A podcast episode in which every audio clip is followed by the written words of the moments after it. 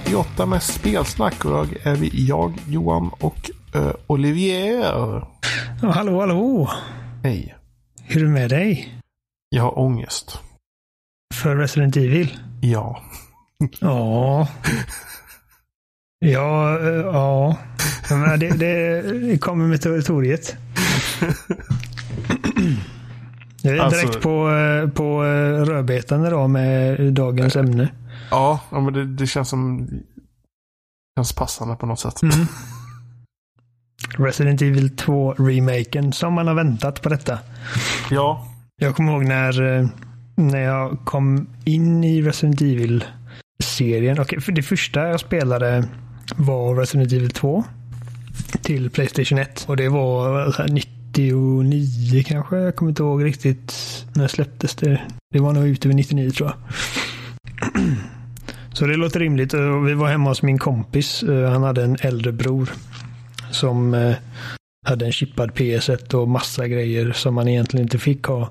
Och hans föräldrar kom på honom och spelade detta. Bara, vad är detta för skräp? Så, här. så det, det var förbjudet, men vi lyckades kringgå det genom att smyga upp på natten när alla andra hade lagt sig och gå ner i gille, gillestugan. där de hade Playstation 1. Eh, och satte igång det här spelet med typ och gömde oss under filten och spelade. Och eh, jag kommer ihåg det exakta ögonblicket då vi stängde av. Det var, vi hade kommit in i polisstationen. Vilket bara vägen dit var ju smått traumatisk. Men så gick man i en korridor med massa fönster som var igen. Eh, med massa brädor igen. Eh, vad säger man? Igensmällda med brädor. Mm. Barrikaderade. Och så går man förbi där och är jätte, jätterädd för att någonting ska komma. Och så kommer en massa så här zombiearmar in genom bräderna och försöker grabba en och då sket jag ner mig. Alltså, inte, inte bokstavligt, men alltså det, det var första gången i ett spel som jag bara, fy fan, slängde ifrån mig kontrollen. Och stängde av maskinen. Och sen så blev det ju dags att prata om, eller nästa gång jag liksom blev så här sugen på att hoppa in. Det var ju fast forward till 2005 när Resident Evil 5 var på väg att, äh, eh, 4 menar jag, skulle släppas till GameCube. Och jag tyckte det bara såg helt fantastiskt ut. Uh, inte bara grafiskt liksom.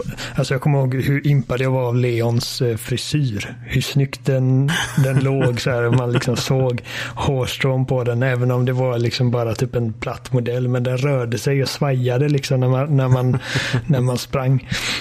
Det tyckte jag var ascoolt. Och sen också att man nu kunde då sikta liksom helt fritt med vapnet med ett litet lasersikte. Bara det lasersiktet var så jävla coolt. Det, bara, det var som en sorts revolution där för mig. att Inte bara att det liksom var en, ett vanligt hårkors som i andra shooters utan du har ett lasersikte och det är det du siktar med och det bara kändes som att man var den karaktären på ett helt annat sätt. Tack vare det. Så ända sedan dess, varje gång man har fått valet att välja mellan eh, lasersikte och traditionellt hårkors så har jag alltid valt lasersikte. Resident Evil 4 är fortfarande ett av mina absoluta favoritspel. Så, och jag inför det började ju spela, jag hittade Resident Evil Zero. Som var det första Resident Evil-spelet jag ägde. Och sen eh, hoppade jag över till eh, remaken av det första. Och jag tyckte det var så jävla coolt. Eh, och sen fanns ju Resident Evil 2 till GameCube. Och jag trodde det, att det också var en remake, precis som ettan, men det var det inte. Det var bara en port. Jag kommer ihåg hur besviken jag var Ja. över det.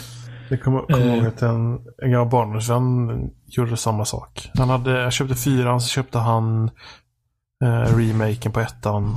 Och sen tvåan och bara liksom, vad i helvete är det här för någonting?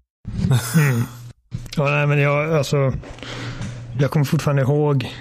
Jag bara, jag bara ser liksom omslaget. Det här GameCube-omslaget. Det var som en sorts typ vit dödskalle med svart bakgrund tror jag.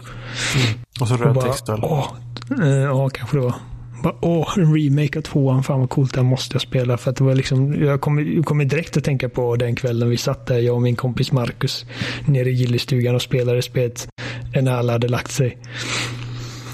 Bara, det måste jag spela, men så, ja.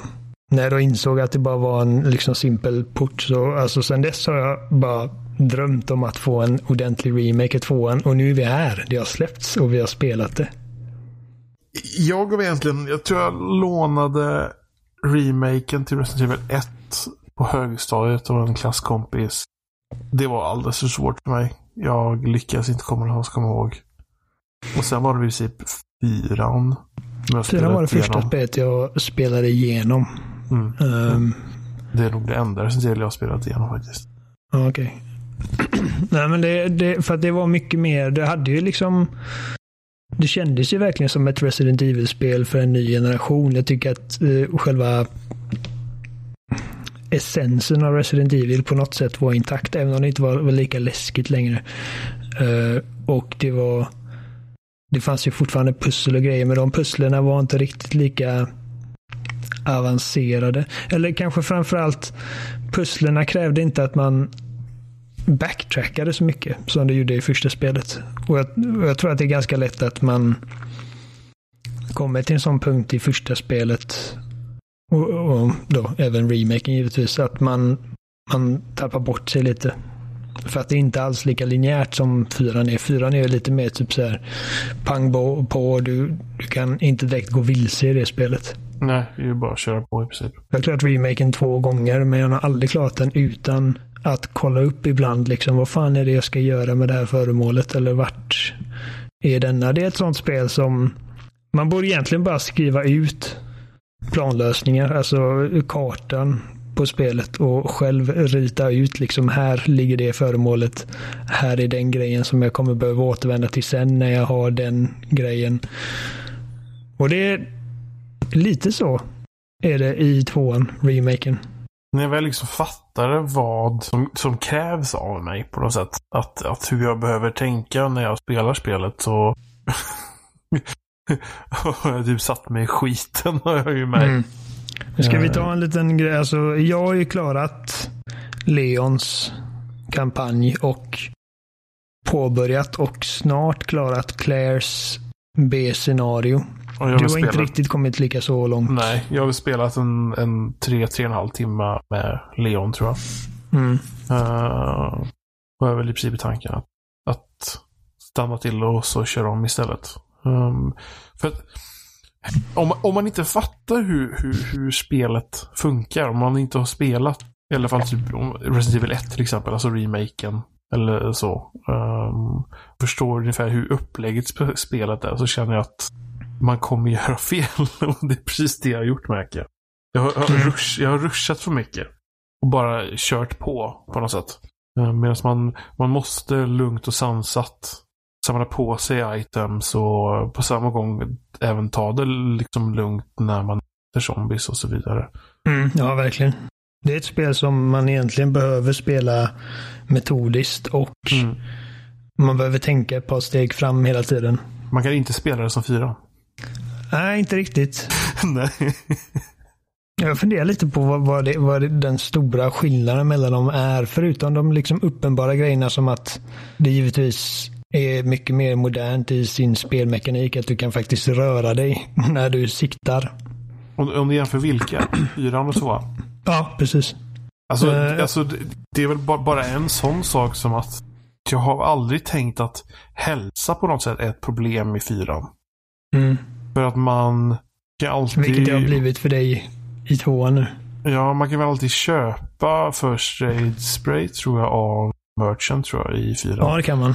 Um, Hör för mig. Jag vet inte ifall det är liksom att man kan köpa hur många man vill, men han, det... han har i alla fall som man kan köpa. Ja, jag, har aldrig, jag har aldrig tänkt på att det är ett problem i fyran i alla fall. Um, Medan här liksom i, i tvåan så har du ju bara herbs som några first aid sprays lite här och där. Mm. Uh, och man får verkligen ta det lugnt med dem och säga för att annars tar det slut. Och då blir det jobbigt. Jag tror att i, i fyran är man också man är aldrig riktigt hjälplös i fyran för man har sin kniv och den kan man göra rätt mycket med. Mm. Och knivarna i det här spelet är förbrukningsvaror. De, de, de går sönder med bruk. Uh, och man måste undra det liksom vem det är som tillverkar de här knivarna som inte ens klarar av att, att stäba en zombie i huvudet. Men så de går sönder och ja. eh, det är skönt när man har en sån för då får man valet när man blir grabbad av en zombie att använda kniven och ta sig loss ur greppet. Och då kan man sen ta tillbaka kniven. Det är väl enda sättet att ta sig ur greppet va? Man kan inte göra någon sorts knappkombination eller liksom. Det är Man kan inte bara... använda knappar så, men det finns, Nej. om du har en, en granat kan du Ja, använda just den. det. Granat eller Du kniv så kan du Jammar få... in den i käften på den. Och sen kan man till och med följa upp med att, att skjuta granaten när den är i munnen på den så att huvudet bara smäller åt helvete. Det, det är rätt kul. Nej, men medan i Resident Evil 4 så alltså, du, du kunde ju använda kniven för att hålla fiender på avstånd hela tiden. Ja, Och, jo, men klassikern och ju i in fyran. dem. Klassikern i fyran var ju att skjuta dem i knät som ramlar ner och sen så knivar du dem istället. ja, och om de inte åker helt ner eh, när man skjuter dem i knät, att de liksom hamnar på knä så kan man gå fram och trycka på A-knappen och så gör man en roundhouse kick. Liksom. Alltså Ja. Man är mycket mer kapabel rent i närstrid. Du har inte riktigt de, de eh, försvarsmekanikerna i det här spelet. Eh, Ja, och det är väl passande på ett sätt, för jag menar, Leon som karaktär är ju mindre erfaren än vad han var i Ja, ja, om man tänker, om man tänker liksom rent logiskt så sett. Om, Han är en sån Ja. jävla gröngöling i det här spelet. En sån riktig boyscout är han. Alltså, han är verkligen inte som han är i senare spel, det där hårdkokt. nej, men Utan här är på något sätt är han liksom typ- passande också. Mm, jo, de- definitivt. Jag tycker det funkar väldigt bra i, i sammanhanget av en remake av det andra spelet. Som givetvis, jag menar det är ju original tvåan, originalet är ju väldigt oförlåtande. Precis som alla de gamla Resident Evil-spelen är. För jag känner på något sätt att spelet har ju liksom inte funkat för mig. Eller jag har inte funkat med spelet. Men jag vill på samma gång inte ge spelet något negativt för det. För att det är ju verkligen bara att... Ja, men, för mig låter det som att du har spelat fel helt enkelt. Ja, jo men det är Du precis att så. du, att- inte ens, du har inte ens liksom letat ordentligt efter grejer. Men Och, det, det, det, men alltså det är precis så jag har tänkt själv också.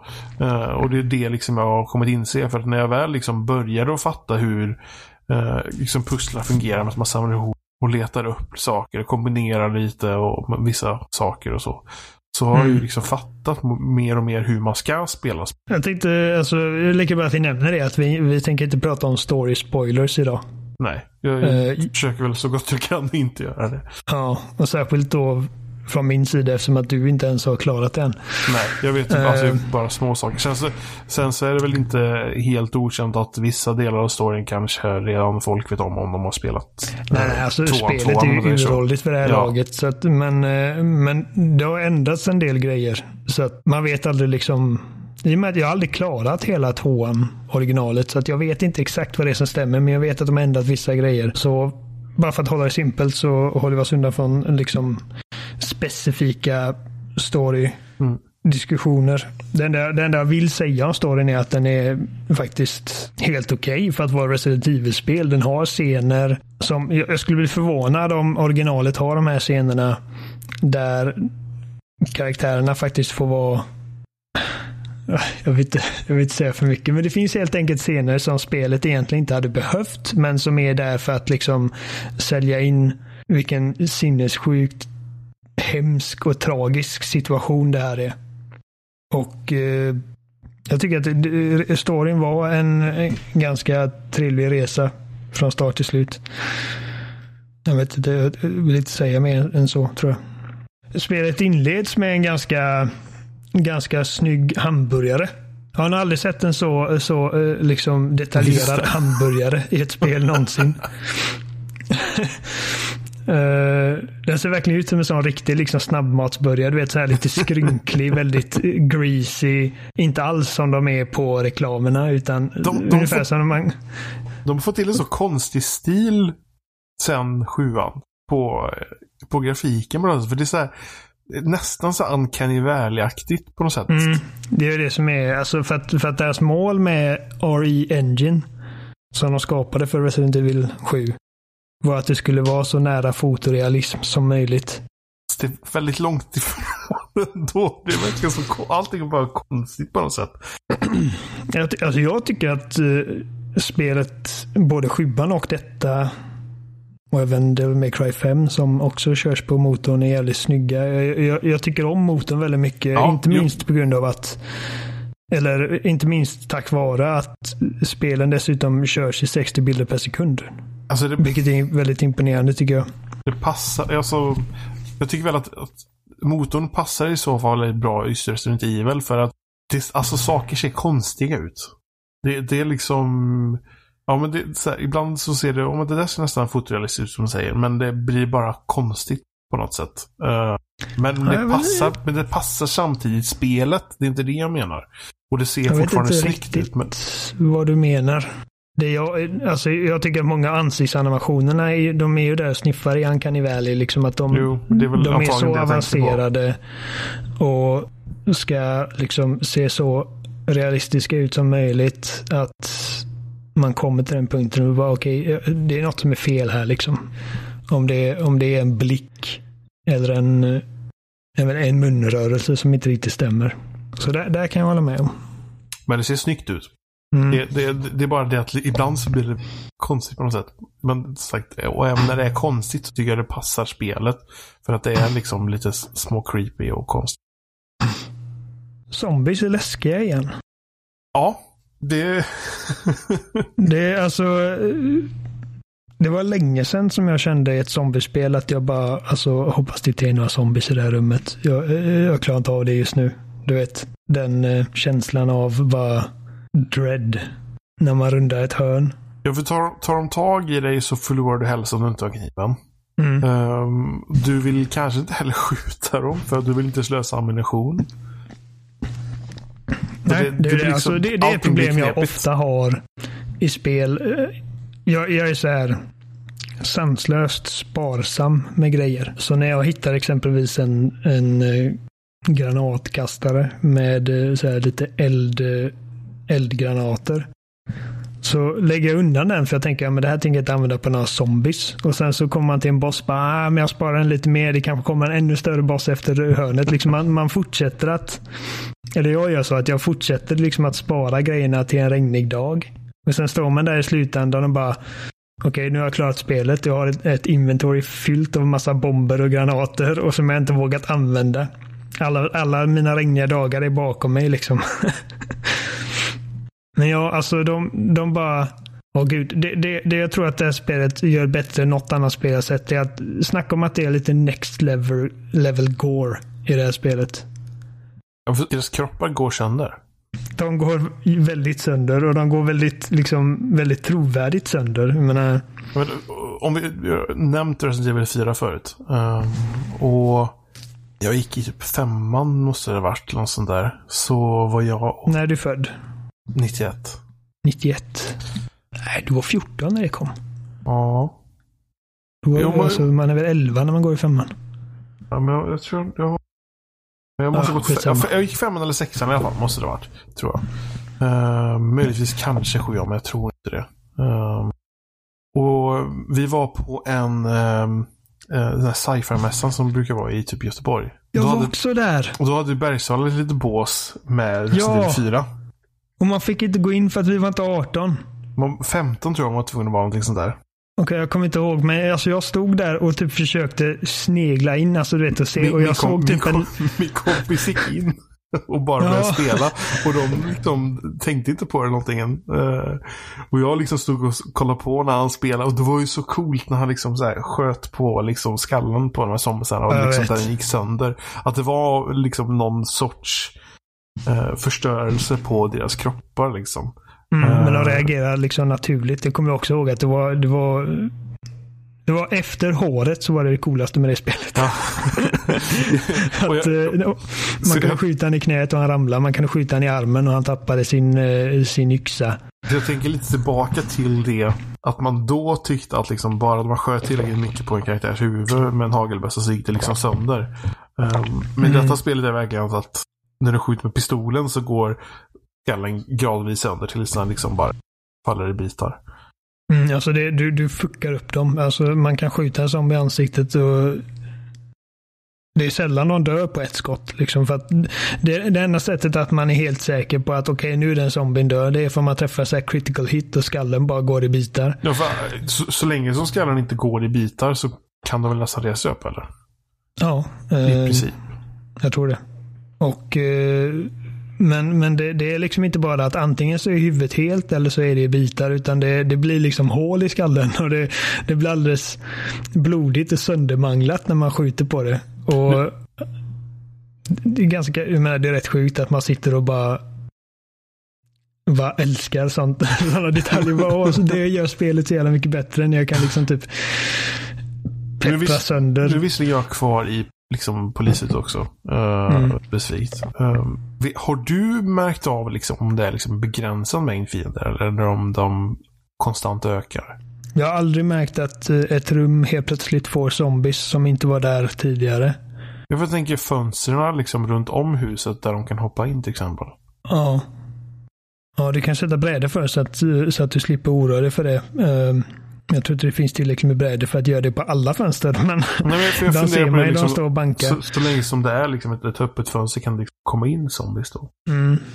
Uh, och det kanske det kan. Och det kan hända att det har liksom lagts till någon zombie när jag återvänt till polishuset efter att ha lämnat det. Men så vitt jag vet så jag har aldrig märkt av i alla fall att oj, här har det spånat massa nya zombies. Utan de ligger kvar där jag sköt Mm. dem. Och jag tycker det är väldigt coolt att de håller sig konsekventa med det. Och eh, däremot så får man oroa sig för lickers. För att de, de, de kan tydligen hamna lite var de vill. Är- Dessa lickers. Jag hatar dem. De är läbbiga. Alltså, man, de är blinda så man kan i teorin om man är väldigt tyst och går, rör sig långsamt och inte gör massa väsen för sig, smäller i dörrar eller skjuter. Så kan man i teorin smyga sig förbi och jag har lyckats med det ett par gånger. Men det är ganska svårt när man är i trånga utrymmen för att eh, jag antar att den kan typ lukta sig till dig så att den rör sig långsamt mot dig för att undersöka dig. Ja, jag har ju alltid träffat på den på ett ställe där det bara är en licker eller? Jag tror jag träffade på den i kombination med en zombie eller någon annat monster. Liksom. Mm. Det, Ja, då är det svårt. ja, det är det som är. Eller, eller typ, jag har träffat på flera gånger, ett par gånger i alla fall, jag har träffat på två licker samtidigt. Mm. Ja, det har hänt. Och de tål ganska mycket och de, alltså, de kan ju göra, de kan ju skada dig så att du går från liksom 100% hälsa till kritisk hälsa bara på ett slag. Så att de är inte att leka med. Det är typ som det här spelet Hunters. Jag kommer ihåg Hunters i första spelet var också rätt jobbigt. Alltså, okej, så att jag, jag, är, jag är väldigt imponerad över vad de har gjort med liksom kroppsfysiken i det här spelet. Att man kan skjuta av armar på dem, vilket hämmar deras förmåga att ta sig igenom dörrar. Eller men ifall du skjuter en snubbe i eh, vid midjehöjd ungefär med shotgun på väldigt nära avstånd så kan överkroppen ramla av benen och den fortsätter att krypa efter dig och liksom inälvorna och tarmarna liksom släpas efter på marken. Det är ascoolt. Sånt gillar jag. Det är kul. Jag menar, det är sjukt men det är kul. Slafs är roligt. Sen bara, ja, nej. Eh, på något sätt är jag liksom taggad på att köra om, att bara liksom köra om en gång till och försöka spela spelet mer som man, man ska spela det. För jag har ju inte haft liksom tråkigt när jag spelar spelet. Eh, det var bara liksom, egentligen så har jag inte sett på en, en, en frustration av spelet på något sätt förrän nu på slutet när jag märkt att jag satt för skiten. Så det, på något sätt så känner jag att det ger spelet ett stora pluspoäng. Att fast jag har problem med spelet så tycker jag ändå om det. Mm. För att det är så välskapat på något sätt. Jag har ju inte haft något liksom problem med spelet med, jag har inte med på någon stor bugg eller något konstigt. Utan det har bara funkat. Mm, det känns väldigt välslipat. Precis. Eh, och det är väldigt imponerande. Och jag, alltså, jag, jag tycker att bara generellt så är det bara en väldigt, väldigt, väldigt lyckad remake. Alltså det, det, detta är en sorts, precis som remaken av det första spelet var när det kom för en herrans massa år sedan. Jag tycker fortfarande att det håller rätt bra det spelet idag. Eh, men en bra remake för mig ska liksom ta vara på det som gjorde originalet bra, men liksom fila bort grejer som inte riktigt hör hemma i modernt klimat. Eh, och men det är alltid en risk när man tar särskilt ett så älskat spel som Resident Evil 2. Jag vet, det är många som håller det som en av seriernas absoluta höjdpunkter. Och eh, ändra så, så mycket av liksom spelbarheten. Att, men det hade varit mycket lättare för dem att göra en eh, en mer liksom traditionell remake, ungefär som remaken av den första var. Att du fortfarande har de här låsta kameravinklarna och tank controls fast det är mycket snyggare. Och, och lägga till lite roliga grejer som typ eh, Crimson Heads och, och hon, vad heter hon, Eh, Lisa. Lisa Trevor. Alltså en av de läskigaste jävla fienderna jag mött i ett spel någonsin. Uh, men eh, de, de har lyckats väldigt bra. De tog risker. Liksom, att det, det, det är givetvis en risk att ta ta Resident Evil 2 och eh, sätta kameran bakom axeln på karaktären och liksom helt och hållet tänka om allting. Och trots att det är mycket som har behövt ändras. För att det är såklart att när man, när man ändrar en sån fundamental grej som hur man spelar ett spel så måste andra grejer ändras också. Eh, men trots dessa förändringar så tycker jag liksom att jag känner igen dessa korridorer och jag känner igen polishuset, jag känner igen miljöerna och bara den övergripande känslan av att spela Resident Evil 2. Vilket jag menar, det, det, är inget man ska ta för givet. Det, det, det krävs mycket arbete och mycket smarta beslut under en utveckling för att lyckas med det. Det känns som ett nytt spel.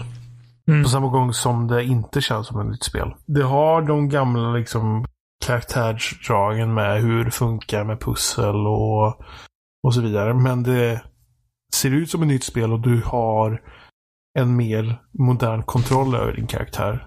Mm. Det känns som en modernisering av ett väldigt old school koncept. Ungefär mm. som, men på tal om risker och eh, saker som belönar sig. Liksom hela Resident Evil 7. Att nu är första spelet, i alla fall mainline-serien, som är första person och det ändå känns som Resident Evil. Jag tycker att Resident Evil 7 är ju, jag har alltid sett det som det här är vad Resident Evil 1 hade varit ifall det gjordes idag. Liksom, om inte Resident Evil existerade och det varumärket skapades 2017 så är Resident Evil 1 vad, vad vi hade fått liksom.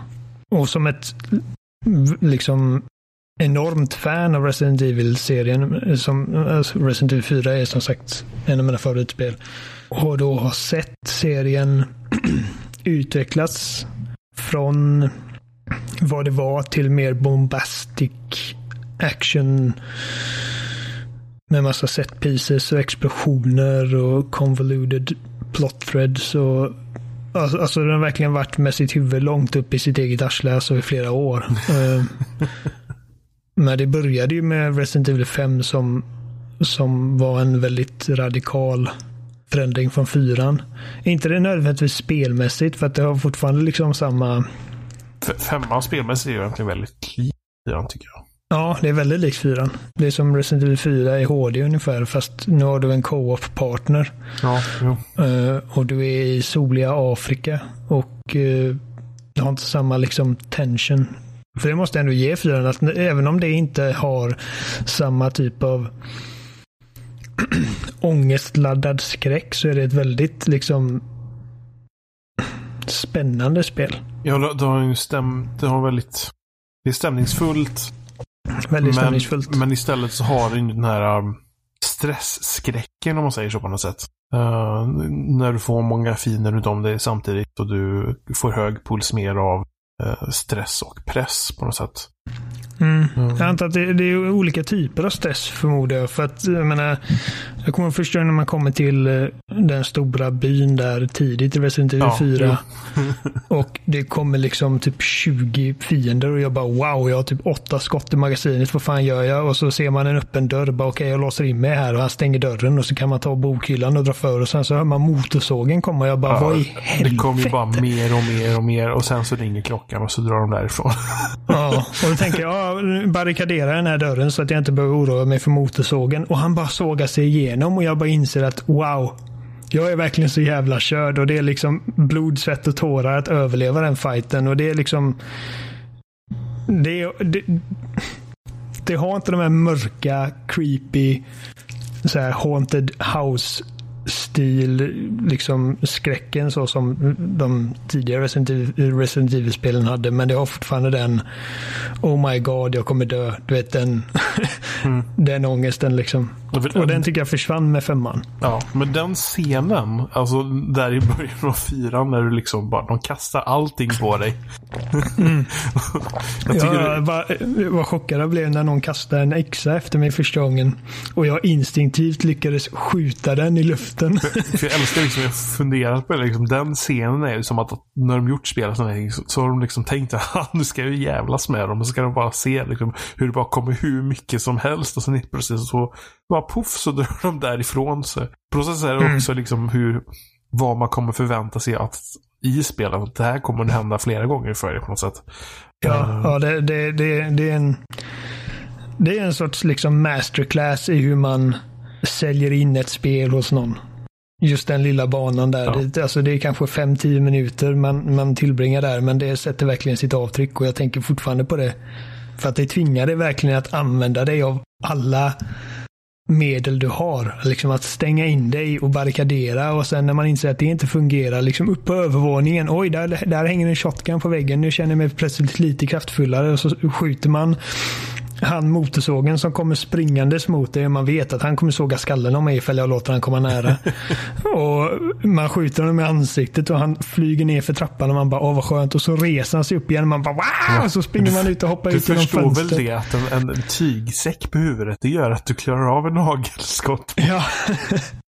Man, man slänger sig ut genom fönstret och plötsligt är man på taket och man liksom bara åh gud vad håller jag på med? Och sen så är man så beredd på att motorsågen ska komma ut genom samma fönster man själv hoppar ut genom. Men så ser man att det är några snubbar som fäller upp en stege på andra sidan av taket bakom dig. Så man springer fram och sparkar ner den. Alltså det är bara så mycket man behöver göra. Till slut så har man bara sin kniv kvar. Man bara står där och liksom vid en dörrkarm och hugger för glatta livet. Liksom bara snälla låt mig vara. Så grejen för mig är att den stressen, skräcken, saken som är i fyran. Den vänjer jag mig med. Att ganska liksom fort, liksom bara man spelar spelet ordentligt så blir man van och så tänker man inte så mycket på det. Samma pratade om Bioshock förra veckan. När jag, när jag spelade det spelet eh, de första gångerna så blev jag jävligt stressad och tyckte det var obehagligt i början när du träffar på dem. Eh, för Ja, det- det det- så väldigt creepy ögonblick. Mm, ja, men du har ju den här liksom, stress-skräckmomenten precis i början. Eh, när du liksom hör att dörrarna kommer öppnas och där kommer det komma liksom splicers in igen. Precis i början av spelet då. Medan nu liksom Resident Evil 2 har liksom en helt, helt annan grej verkligen. För att det blir så mycket på en gång för mig. Det blir, det verkligen, alltså. Okej, Resident Evil 4 blir jag stressad när jag spelar. Mm. Resident Evil 2 får jag ångest när jag spelar. Ja. ja, men det är ett ganska bra sätt att Man går där genom helt kolsvarta korridorer. Och man vet att liksom det finns inte en chans att det inte lurar någonting fruktansvärt runt hörnet här framme. Och man har en liten ficklampa med sig som det är det enda liksom ljuskällan man har. Och det är helt knäpptyst. Speciellt en bit in i polishuset när du får en karaktär efter dig som... Ja, ja det, det är väl knappast en spoiler. All, alla som har hört talas om Resident Evil känner väl till, till Mr X. Men han, Eh. han- som jag förstår det så är han inte med i grundstoryn eller så i tvåan. Annars. Eller så här, det, det är typ en B eh, storylinen eller någonting sånt där som han är med i första spelet tror jag. Eh, när jag bara Jag har läser hört talas om honom förut. Jag har sett bilder, jag har sett Ja. klipp. Eh, Jag har aldrig spelat så långt att jag har fått hantera honom själv. Eh, Jag hade fått för mig att han var exklusiv till Cla- eh, Claire Redfields kampanj. Men Det jag kan ha helt fel. Ja, det, är inte en, det, det liksom, det första gången du spelar tvåan så möter du inte på honom i alla fall. och Som jag förstått det som. Um, Mm, men här, kanske. här Jag vet möter man på honom. Ja, det gör man. Och det komplicerar saker och ting för att han... ja, han, han, ja, han komplicerar saker och ting. För Han, han vandrar det-. Det är svårt att spela som man egentligen borde när han är i hälarna på dig. På dig. För att eh, man ska ju givetvis, som jag sa förut, man ska verkligen finka med alla hörn.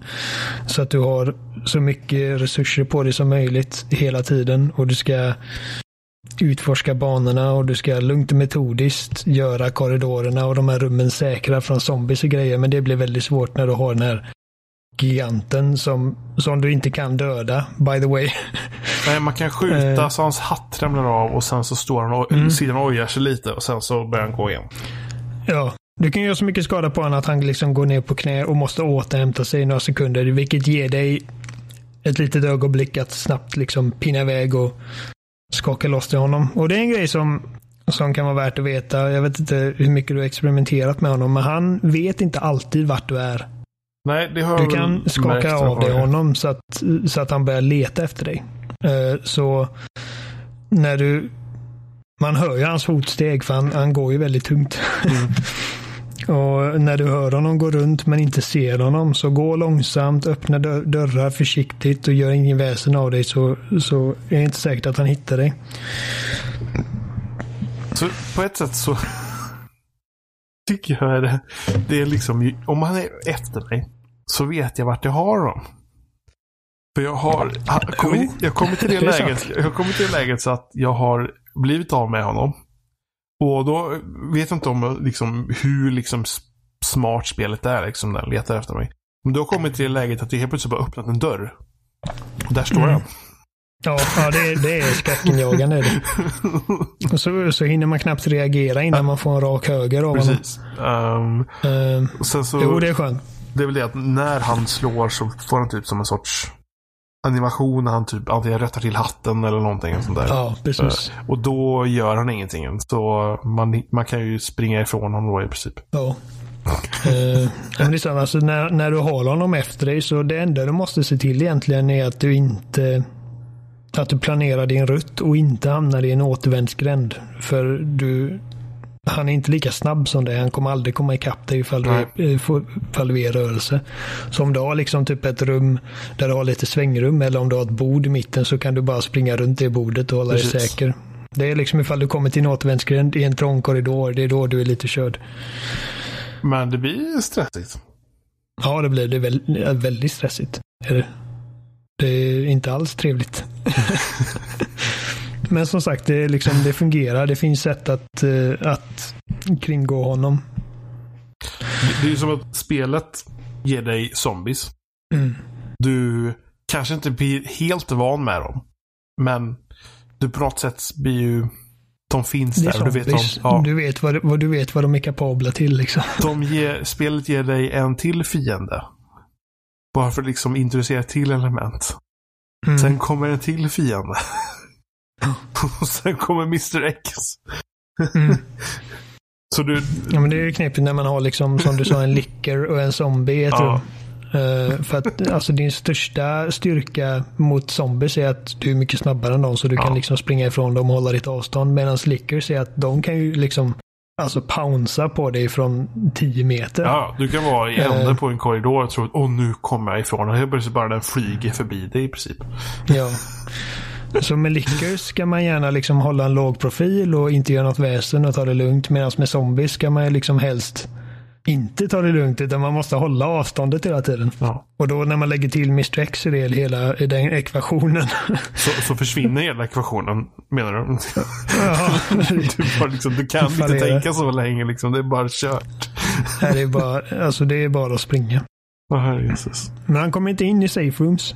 Safe rooms är där som, inte skrivmaskiner men vissa rum Ja, men om det är ett rum, typ, om vi säger typ som eh, mörkrummet exempelvis Ja, på första det. våningen.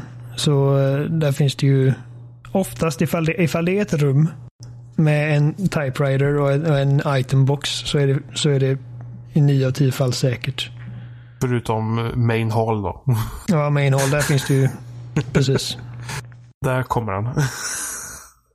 Åh herre Jesus. Eh, Så jag, jag har ju snart kommit igenom Claires kampanj också. Det tycker jag är väldigt trevligt att man inte kör samma kampanj fast med en annan karaktär. Så det är som en sorts parallell story. När, när du klarar eh, Leons kampanj, eller Claires beroende på vem du börjar att spela som, men vi började med Leon. Så eh, får du möjligheten att starta New Game Second Run. Och då får du spela samma grej fast med den andra karaktären ur, ur den karaktärens perspektiv. Så du börjar på samma sätt att ni träffas på bensinmacken och ni kommer till eh, polisstationen men ni blir liksom eh, separerade. Och sen så har Claire sin egen lilla berättelse i princip. Eh, De kommer inte möta samma... Alla kommer inte möta, eller båda kommer inte möta alla karaktärer. Och eh, det finns vissa ställen av eh, polisstationen som bara Leon kommer komma åt. Och det finns vissa delar som bara Claire kommer komma åt. Till exempel alla rum som öppnas med hjärtnyckeln kommer bara Claire åt för att Leon får aldrig tag på hjärtnyckeln. Ja, kommer kommer får man aldrig tag på den nyckeln som Leon? Nej, Ja, han fan. tag på de andra tre. Eh, det var, var, det, jag var lite nojig över jag- det för att jag skulle liksom ta mig vidare från polisstationen till nästa del. Men jag bara, alltså det är massa rum här med hjärtnyckeln som jag inte öppnat. Jag har inte hittat en jävla nyckel. Jag vill liksom inte missa någonting. Men sen kommer det, det blir liksom tydligt till slut att okej, det, det är Claire som kommer öppna de rummen. Och det finns tre huvudsakliga ska jag säga, banor eller eh, områden i spelet. Det är polisstationen och sen är det två till. Och både Claire och Leon kommer röra sig igenom dessa. Och, men de båda kommer ha liksom lite olika eh, mellanbanor, om man ska kalla det. Som Claire kommer till, eh, till stadens eh, barnhem och det gör inte Leon. Så att det, det, det, det är nästan identiska banor. Men alla föremål ligger inte på samma ställen. De har inte tillgång till samma vapen. Claire får exempelvis ingen shotgun. Eh, däremot får hon en liten kulspruta som inte Leon får. Och som sagt, föremålen ligger på lite andra ställen. Sammanhanget i de olika kampanjerna skiljer sig. Karaktärerna man möter skiljer sig. Och rutten man kommer ta genom banorna skiljer sig. Så att eh, det, det tycker jag är trevligt att det inte bara är att okej, du kör samma kampanj med de olika karaktärerna. Utan de har sina egna stories så att säga. Mm. Hur, alltså, hur, hur är du med skräckspelen? Alltså, gillar du skräckspel? Nej. Du gör inte det? Nej. Hur kommer det sig att du valde att eh, spela detta då? Jag vet inte varför, men jag ville bara. Jo, jag förstår. Nej, jag tycker inte om skräckspel. Eh, jag tycker inte om Det var skräckfilm. det läskigaste du spelat. Jösses. Eller Amnesia kanske. Mm, har du klarat det? Nej. Nej, inte jag heller. Eh, Eh, PT gör mig väldigt bajsnödig alltså. Den lilla demon. Jag är fortfarande med. Jag, jag, är extremt lättskrämd. Um, Alltså jag tycker inte om skräckfilmer heller liksom. Det är, jag, nej usch. Men det, det är någonting med Resident Evil som inte vill att jag, jag vill spela ändå. de, de, de är roliga spel. De är Ja. väldesignade, roliga spel. Och det bara råkar vara att de är skräckspel också. Precis. I alla fall när, det, när de är liksom... De bra Resident Evil-spelen är skräckspel. Ehm, Du, du, du, Men, du, eh, du, tycker inte om fem, femman och sexan då? Alltså, jag har ju spelat dem flera gånger och jag tycker att som co-op-upplevelser har de sitt värde. Men för sexan Eh. också co-op kanske? Det. Ja, det är det. Och det är, alltså, det, det är ändå imponerande att hur stort Resident Evil 6 är. Att det har liksom fyra separata kampanjer. Med, vad vad fan är det, typ sju spelbara karaktärer. Och det är väl alltså både dess största styrka och dess största svaghet. För att det är ett spel som försöker göra för jag tror att när de, när de släppte femman, som fortfarande var liksom ett väldesignat spel, det var bara liksom att det inte riktigt är vad Resident Evil kanske bör vara. Mm. Så, men när det kom och liksom blev en framgång och det är liksom det, det bäst, bäst säljande spelet i seriens historia. Då är det svårt för Capcom liksom att okej, nu, nu måste vi göra någonting helt annat. Utan då är det okej, det här är vad folk vill ha. Samtidigt så de vet att det finns liksom Resident Evil-purister elitister som vill ha den gamla skolans spel tillbaka. Och sen har vi liksom en helt ny skara som, eh, som förväntar sig att allt Resident Evil ska vara co-op. För att Resident Evil 5 var det första de spelade och det, de vill ha liksom ett till co-op-spel att spela. Och sen sa, alltså de sa rätt ut att vi, vi vill försöka locka till oss Call of Duty-marknaden med Resident Evil 6. Så det är tre stora liksom, kundbaser som de försökte göra nöjda allihopa. Och det slutar med liksom att ingen av dem blir riktigt nöjd. Det är liksom, Jag tycker, jag tycker det finns delar. Jag tycker det är fascinerande på sätt hur de... Det känns som att de drog handbromsen efter sexan. Jag har visserligen inte Ja. spelat sjuan, men liksom jag har ju snappat upp liksom ungefär liksom vad det är för spel och att folk tycker det är bra. Ja, det är skitbra Resident Evil 7. Så det, det, nej, men det är fascinerande liksom hur de bara totalvänder. Mm.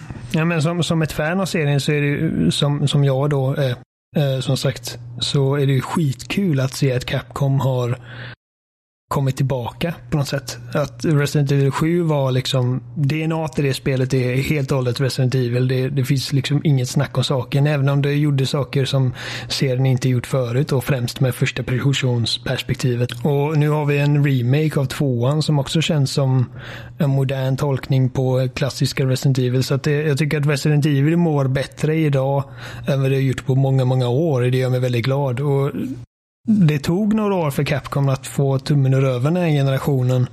Men nu har vi liksom grejer som Monster Hunter World som är dess mest liksom snabbast säljande spel någonsin. Vad fan det var. Jag kommer inte ihåg, men det slog något sorts rekord. Och Resident Evil 7 som var skitbra. Och Resident Evil 2 som, som jag bara hör liksom att folk är jättenöjda med. Och kommande Devil May Cry 5 som fans av den serien har väntat på i 11 år. Så det är kul att se att de verkligen, ja, knocking, knocking it out of the park, som man säger. Ja, de är motsatsen mot Konami. Ja, precis. Men jag tror att, för att Resident Evil 6 var en enorm satsning från deras sida. Liksom ett jättestort spel med enorma ambitioner. De försökte göra, som sagt, de försökte göra alla möjliga typer av Resident Evil-fans nöjda. Samtidigt som de försökte få in Call of Duty-publiken med stora eh, explosioner och set pieces.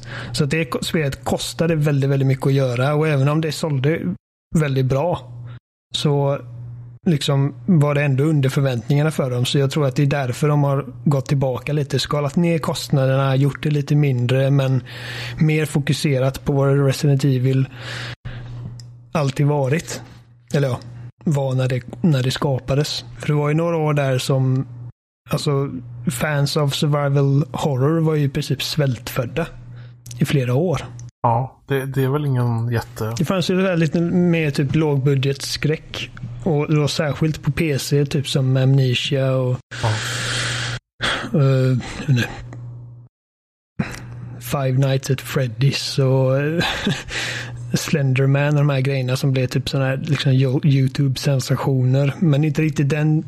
Det är inte riktigt survival horror utan det är, mer, det är någon annan form av skräck. Jag gillar liksom att man har möjligheten att försvara sig. Och innan eh, genren fick någon sorts liksom nystart med grejer som eh, Resident Evil 7 och The Evil Within och de här grejerna.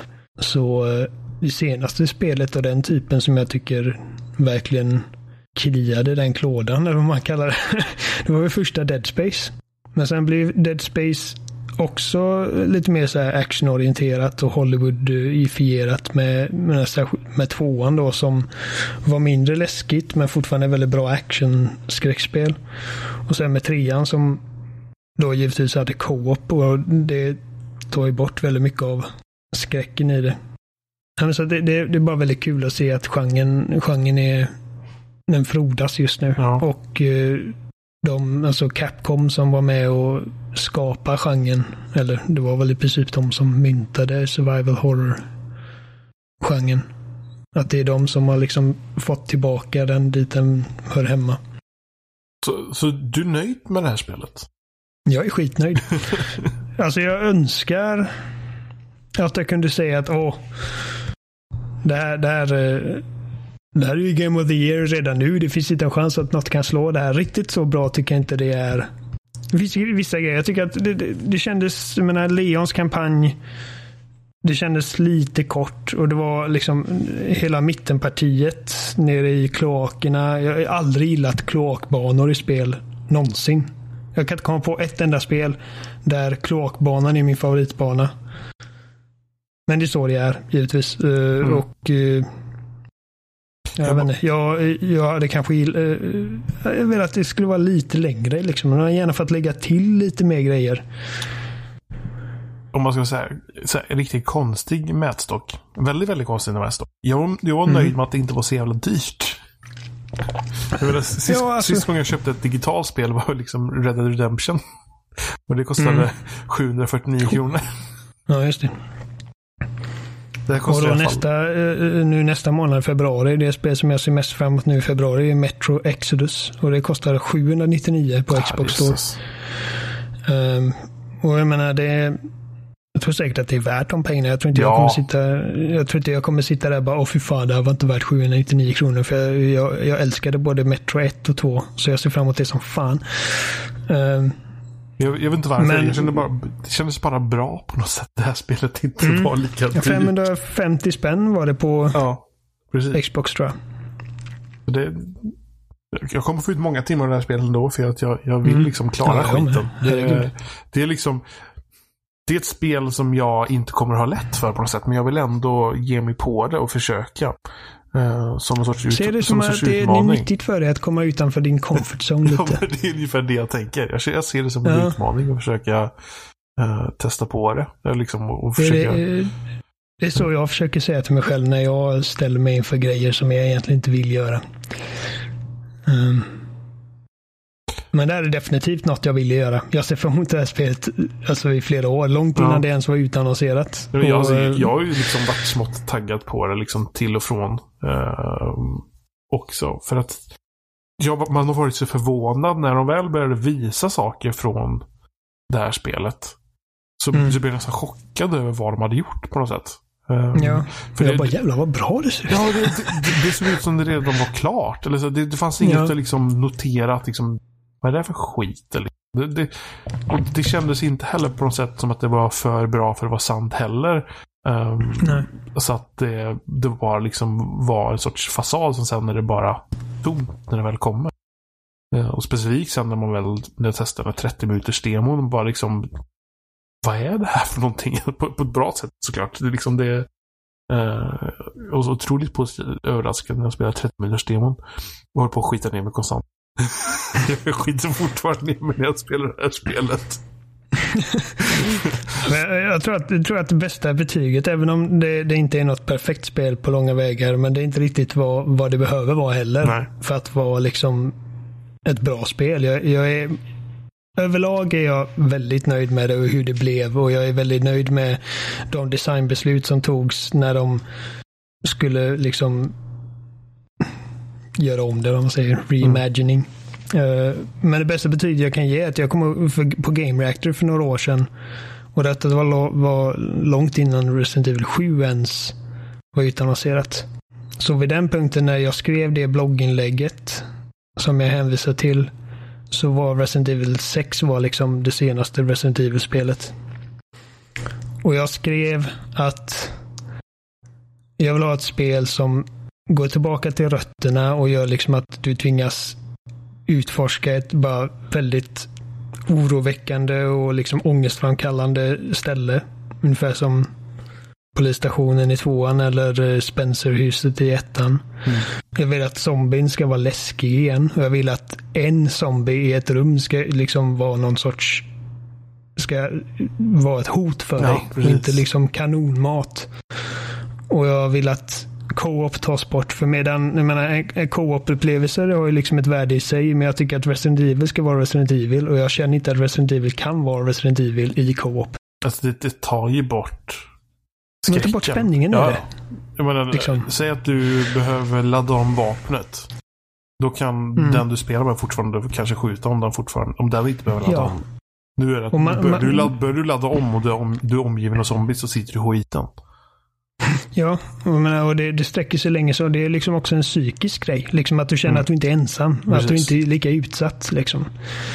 Ehm, Jag, tror, och det, det, jag känner att det här spelet passar in. Det, det passar de kriterierna som jag skrev i det blogg, blogginlägget. Och alltså jag, hade jag kunnat gå tillbaka till Oliver då och säga att det där spelet kommer göra snart så hade jag liksom bara pff, det tror jag inte på. Och nu är vi här och har liksom två riktigt bra moderna Resident Evil-spel att spela.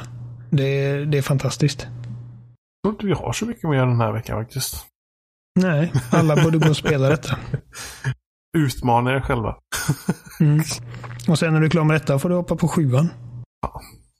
Det är typ dubbelt så läskigt.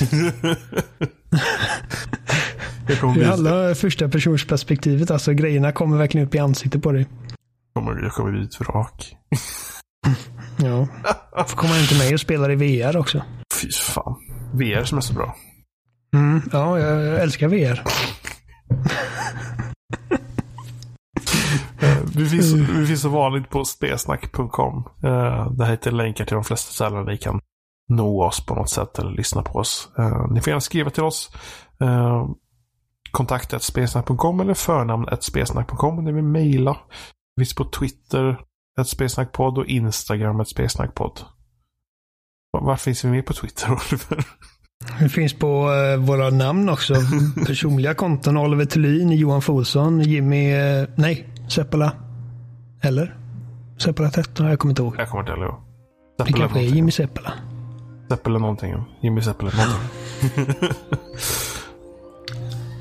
Så ja, det är där ni hittar oss. Skriv in och säg vad ni tycker om spelet. Jag ska gå och bajsa över lite till. Hej. Det är gött. Jag ska, ska också ska bli klar här med Claires kapitel. Fy fan. Ha det gött Johan. Hej. Det är laggat.